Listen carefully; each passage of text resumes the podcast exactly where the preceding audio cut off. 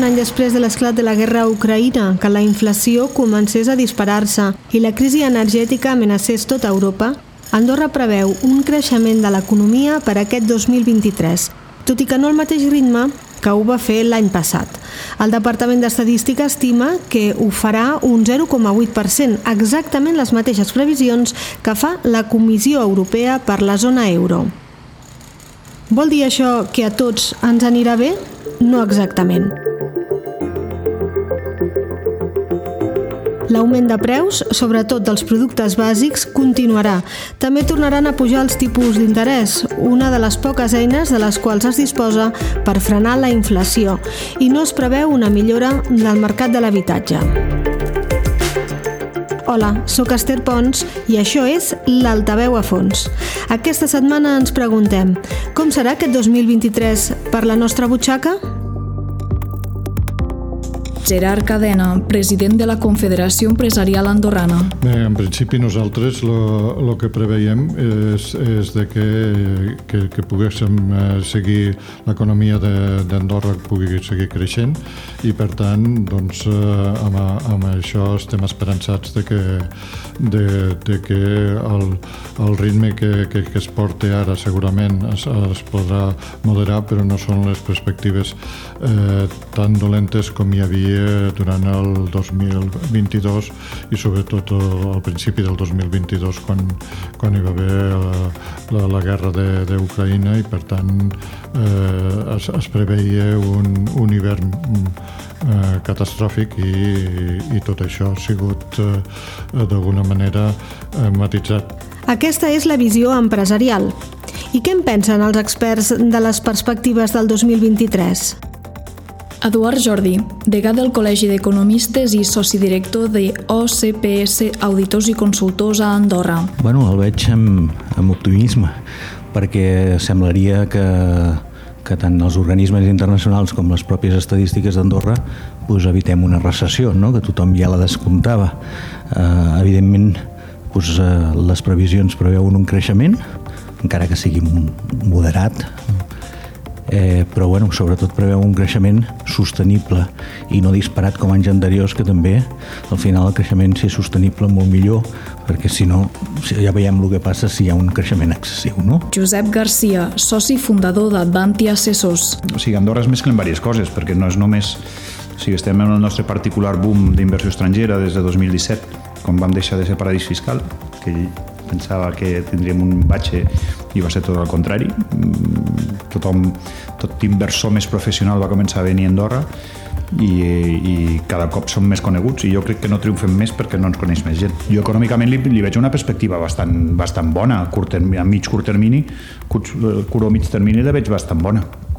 Eh, falta veure com de fort ens afecta el no creixement, perquè tampoc crec que hi hagi una crisi, eh? perquè tothom pensava l'any passat que els Estats Units anava a tenir crisi o recessió, però al final no la va tenir, ara sembla que sí que tenim creixement negatiu en algun país fort d'Europa, Alemanya em sembla que era, però tampoc li veig que, que tinguem una crisi. O sigui, hi ha dificultats per la conjuntura política i econòmica, però mm, és un petit sotrac al camí, un, sotrac al camí més que petit. Antoni Bisbal, membre de la Junta del Col·legi d'Economistes i soci director de Creu.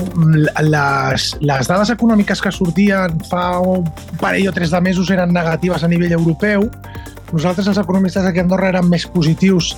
Eh, els motius de per què nosaltres ho veiem més optimistes del que ho veia l'entorn europeu, sobretot organismes internacionals com el Fons Monetari Internacional o l'OCDE, era bàsicament per dos temes. Perquè nosaltres pensem que el turisme seguirà tirant, el turisme seguirà tirant, i dins del turisme hi haurà dos vessants. El turisme internacional potser sí que tindrà una aturada més que el de turisme de proximitat. Andorra és una destinació de turisme de proximitat i com a destinació de turisme de proximitat el que sí que pensem és que no hi haurà una, una caiguda tan important o una aturada tan important de, de, de consum. No? Llavors nosaltres a Andorra érem més optimistes que el que estava siguent l'entorn europeu perquè pensem que Andorra, al ser un país bàsicament turista i de turisme de proximitat, pensem que aquest turisme de proximitat seria el que menys li afectaria a l'entorn econòmic actual.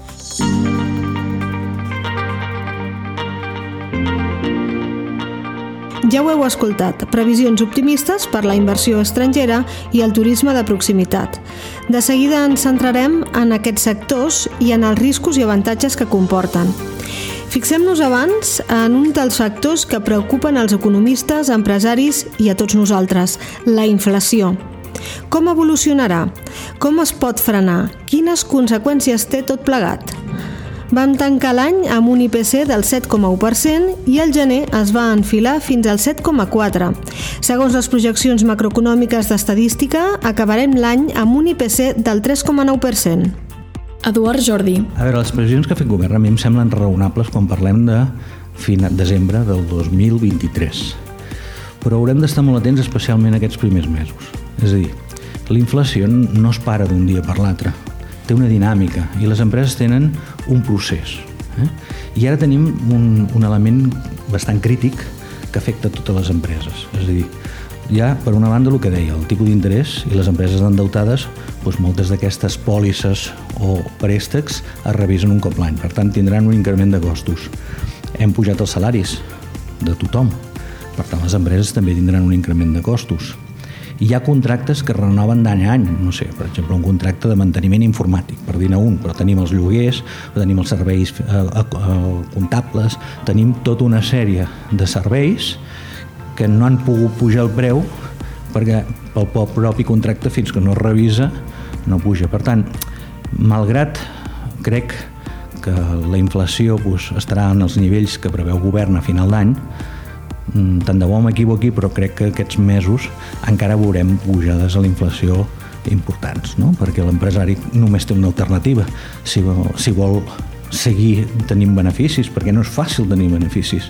Eh, I a més a més ens oblidem que van venir del Covid de fa dos anys, sembla que ja no existeixi. Pues no, hi ha moltes empreses que encara tenen un endeutament i una dificultat. Llavors l'única alternativa que té moltes vegades és pujar els preus. I això ho veurem. Per tant, que la inflació és una tendència que encara eh, jo crec que en tenim per un, per un temps. Antoni Bisbal. Eh, jo crec que seguirem tinguent preus a l'alça, seguirem tinguent eh, crisis eh, d'oferta de, de productes i sobretot de productes alimentaris. Jo te, crec també que el preu de l'energia anirà fent vaivents, és a dir, pujarà i baixarà, i tot dependrà de, de, de, de l'entorn geopolític que tenim. No? Jo, si la guerra d'Ucraïna s'allarga, que penso que malauradament es pot seguir allargant, doncs, seguirem tinguent aquesta, aquesta no oferta eh, sobre oferta de productes i això impactarà directament en la inflació. Tot i així, l'haver tingut uns, tindre uns tipus d'interès elevats, doncs, bueno, jo crec que es anirà controlant, ja que el poder adquisitiu de les famílies i el poder adquisitiu de les empreses doncs serà més baix. Gerard Cadena. Les institucions europees estan fent eh, una, una, un, un creixement de, dels, dels tipus d'interès i que, per tant, eh, això eh, representa, i també dit per la, per, per la mateixa eh, directora general, de que eh, fins al mes de, de maig no, no acabaran aquest, aquest procés d'increment de, de, dels tipus d'interès. Ara eh, deuen estar a prop de, del 3 i per tant eh, si encara creix més eh, ens anirem a, a, a, a tipus d'interès com hi havia de, després de l'altra crisi que vam tenir el, el 2007-2008 i que per tant dir, van arribar a, a tipus d'interès de, de, del 3,5-4%. És evident de que, que aquesta inflació que és més alta en aquests moments eh, a Andorra que, que els països veïns eh, fa que, que, que sigui, eh, bueno, hi hagi una part d'aquests tipus d'interès alts, de, dels increments de, de, dels salaris, dels, dels increments dels productes bàsics, que, que, que també eh, Andorra, doncs, com estem al, al final al final de la cadena, doncs, evidentment, això eh, també són eh, creixements que, que, que ha de suportar l'empresari. Si aquests eh, creixements, si no els pot repercutir al, al producte, el que fa és menys tenir el seu compte d'explotació i entrar en pèrdues. I, per tant, aquí s'ha d'anar molt en compte amb, amb com, com s'incrementa eh, tot i fer un seguiment acurat de, de, del, del, de, de, del compte d'explotació de l'empresa. I com refreden l'economia els tipus d'interès? Si tu tens una hipoteca de 300.000 euros, vale? eh, fa un any pagaves eh, 900 euros, 900 i pico euros, 940 euros, i ara estaries pagant al voltant de 1.400 llargs euros. Són 500 euros de diferència.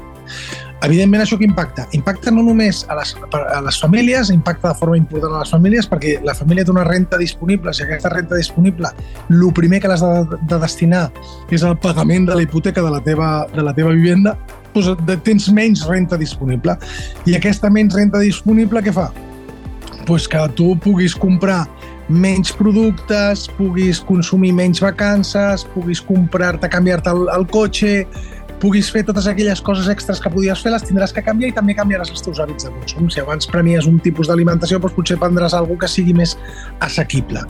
I això impacta les famílies reduint el seu, la seva renta disponible i també t'impactarà les empreses. I de quina manera? Doncs totes aquelles empreses que preveien fer inversions importants, doncs potser aquestes inversions que volien fer doncs potser no les podran fer totes i les tindran de calendaritzar, és a dir, fer-les al llarg del temps. Això què es fa? Doncs el que fa és que hi hagi menys consum. A l'haver-hi menys consum es controla la inflació per a, perquè hi ha menys renta disponible i bueno, els preus tindrien que tendir a la baixa. Eh, efectes de pujades de tipus d'interès? Home, normalment, quan hi ha pujades de tipus d'interès, històricament, històricament, totes les sèries històriques que, que, que tenim, normalment amb pujades de tipus d'interès l'economia s'atura. Això farà refredar també el mercat de l'habitatge? Josep Garcia, d'Advantia, no ho veu tan clar. Tenim masses inputs, massa demanda a Andorra com perquè, com perquè baixin els preus, sobretot en immobiliari no, encara, encara no, no, no està madur. O sigui, això ha de baixar un dia, eh? al final és un cicle econòmic com un altre, tenim un cicle econòmic bo amb el, amb el tema de construcció i, i, i immobiliari, i, baixarà com va baixar el 2008, no sé si tan abruptament o no, però baixarà, o sigui, són cicles que han de créixer, pugen i baixen. Ah, ara ara s'ajunten diverses coses, perquè a nivell d'inversió estrangera ja no, no, ja no és només la pujada de tipus d'interès que fan els governs els bancs centrals, sinó també Andorra ha posat, posat aquest mini mm, sotrac per a la roda amb els 50.000 euros perquè vinguin nous residents a través d'empresa. Eh, també pugen, han pujat les inversions als, als passius. Però dels passius tampoc crec que sigui un gran, un gran, un gran fre. Al final, qui inverteix 400 pot invertir 600. No, la gent no ve apurada per fer una inversió d'una passiva però sí que són moltes petites coses que farà que teòricament hauria de fer que s'alentís. I si s'alenteix, s'alentirà la demanda en pisos, s'alentirà...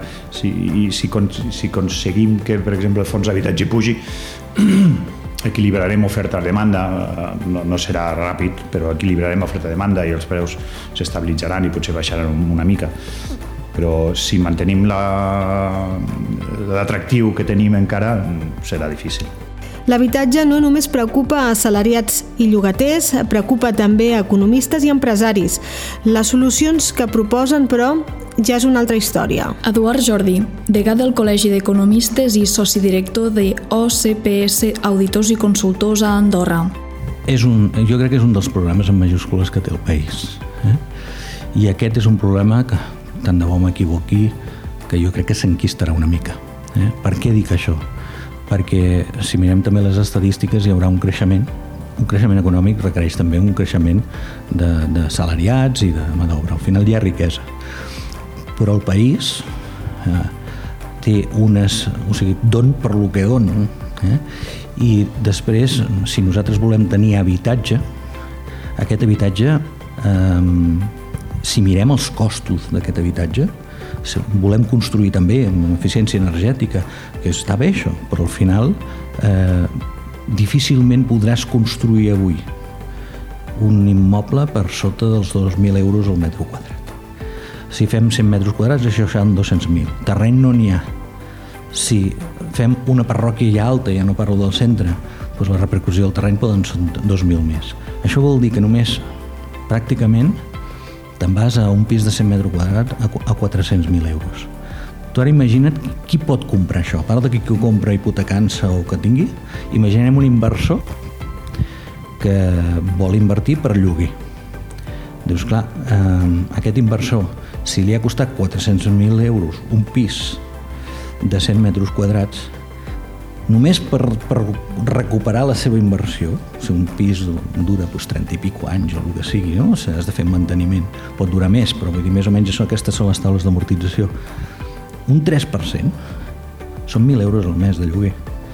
És a dir, en, en l'obra nova, difícilment la que generi podrà generar lloguers eh, per sota d'aquest preu, més o menys, eh, perquè és que són els costos reals. I l'inversor avui pot comprar lletres del tresor a 3 o 6 mesos amb una rendibilitat ja superior al 3%, i parlem d'un 3% brut, no net, a més a més amb una sèrie de riscos d'insolvència, no és un actiu líquid, val? a més a més hi ha una intervenció també eh, de govern en aquest cas els últims anys, tot això no afavoreix a que hi hagi nou, nou més disposició de pisos de lloguer nou. On te podem tenir lloguers més econòmics? Pues en les obra que ja és vella, el pis de segona mà, i, però aquests ja estan pràcticament tots ocupats perquè era el parc que ja hi havia i després, malauradament, pues, és probable que hi hagi un creixement en el voltant, eh? que tampoc és algú nou. No, no vol dir que jo ho comparteixi ni que m'agradi, no? perquè evidentment però és probable que hi hagi determinat aquesta nova mà d'obra que vingui pues, que hagi de viure eh, pues, a la perifèria. No? Josep Garcia, soci fundador d'Advanti Assessors. Jo sempre poso l'exemple d'un client que em va vindre que era de, de, vivia a Mònaco, em deia Mònaco un pis, dos milions, una plaça de pàrquing mig milió, i li vaig demanar, i el senyor que li posa el cafè amb aquest senyor on viu? Diu, viu a França. Aleshores, clar, els que som d'aquí, hem viscut aquí, els nostres fills estan aquí, no volem anar a viure a la Seu. La Seu té marge per créixer, Aravell, tots aquests poblets, al final, qui t'anava a dir que escàs anava a ser el que és ara, quan fa poc hi havia quatre cases de, amb, els horts i no sé què, i ara és els Place, allò. Aleshores, bueno, tot creixerà, tot evolucionarà. El que passa és que passem de ser poblets al mig de la muntanya a aviam què volen ser. La CEA assegura que la solució passa per la col·laboració entre el sector públic i privat. Aplaudeix algunes de les accions que s'han portat a terme fins ara, com la construcció de pisos nous a preu assequible, però reconeix que és una solució que portarà resultats a llarg termini. On sí que creu que cal incidir és en la inversió estrangera, ja que dubta que el balanç cost-benefici sigui positiu. Sí, sí la, la, la inversió estrangera és, és evident de que en aquests moments la, la inversió estrangera eh, s'ha posicionat a nivell d'Andorra. Eh, entenem de que, que si hi ha hagut alguns uns canvis que, que, que són importants amb els requisits per poder assolir aquesta inversió.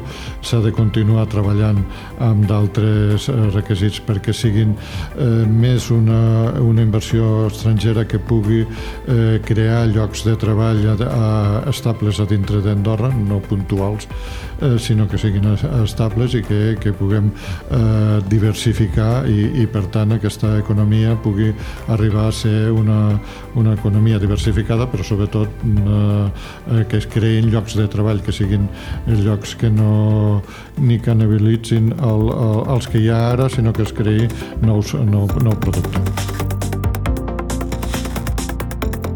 A l'inici ja ho havíem dit, que la inversió estrangera havia ajudat a estirar cap amunt el creixement d'Andorra. A quin preu?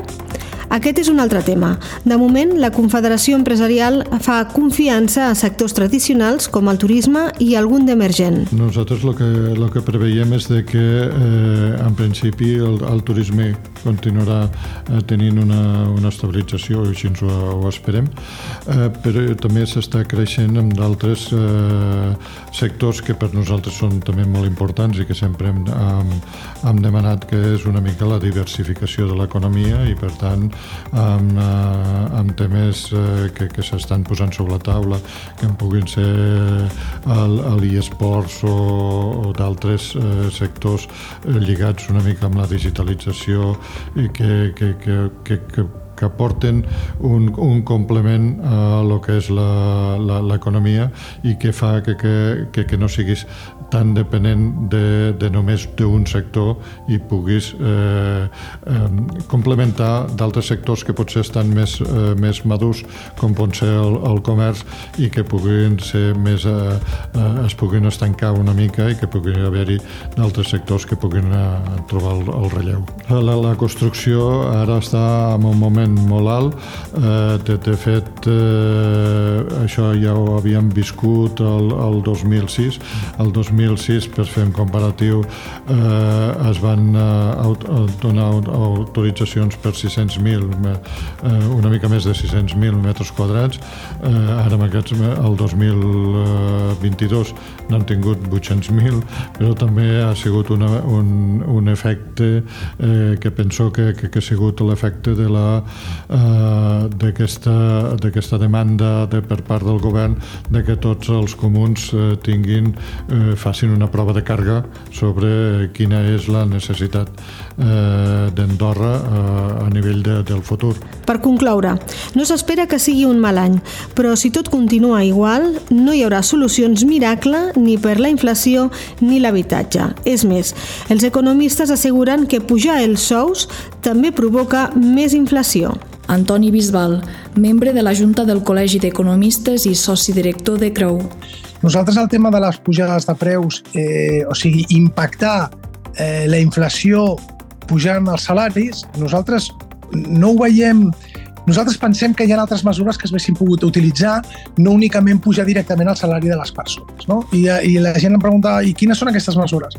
Tu pots intentar, eh, quan vols repercutir la inflació en els sous, ho pots fer de, de dues maneres. D'una manera directa, o d'una forma indirecta. La manera directa el que fas és provocar més inflació, perquè si tu el que fas és tens inflació i puges els sous i això provoca més inflació, llavors entres dins d'una espiral que no és gaire positiu i nosaltres el que recomanàvem és fer-ho de forma indirecta. Què vol dir de forma indirecta? De forma indirecta és buscar plans de retribució per als treballadors que anessin directament vinculats amb la seva productivitat, això es fa a molts països del nord d'Europa, no estàs pujant directament al escenari, sinó que el que estàs fent és incentivar que hi hagi més productivitat i si hi ha més productivitat, doncs llavors al final no generes tanta inflació perquè el teu, el teu salari va vinculat doncs, una variable i aquesta és la productivitat i després fer també plans de, plans socials, beneficis socials pels treballadors, no? beneficis socials en sentit d'assegurances privades, pagar-los assegurances plegades, pagar-los ajuts a les escoles, ajuts a les guarderies, complements de plans de pensions que també són molt importants,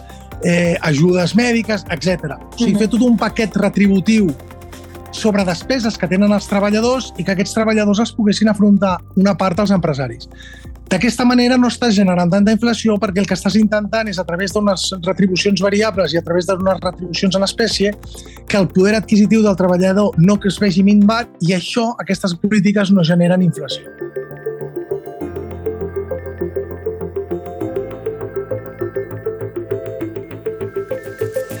Bé, aquesta és una opció. En tot cas, tenim gairebé tot el 2023 per endavant per veure si es compleixen les previsions i projeccions i unes eleccions que poden o no canviar el curs de les coses.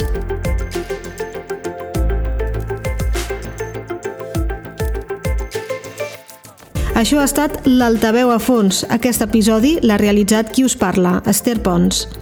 Espero que us hagi agradat. La pròxima setmana tornem amb més històries.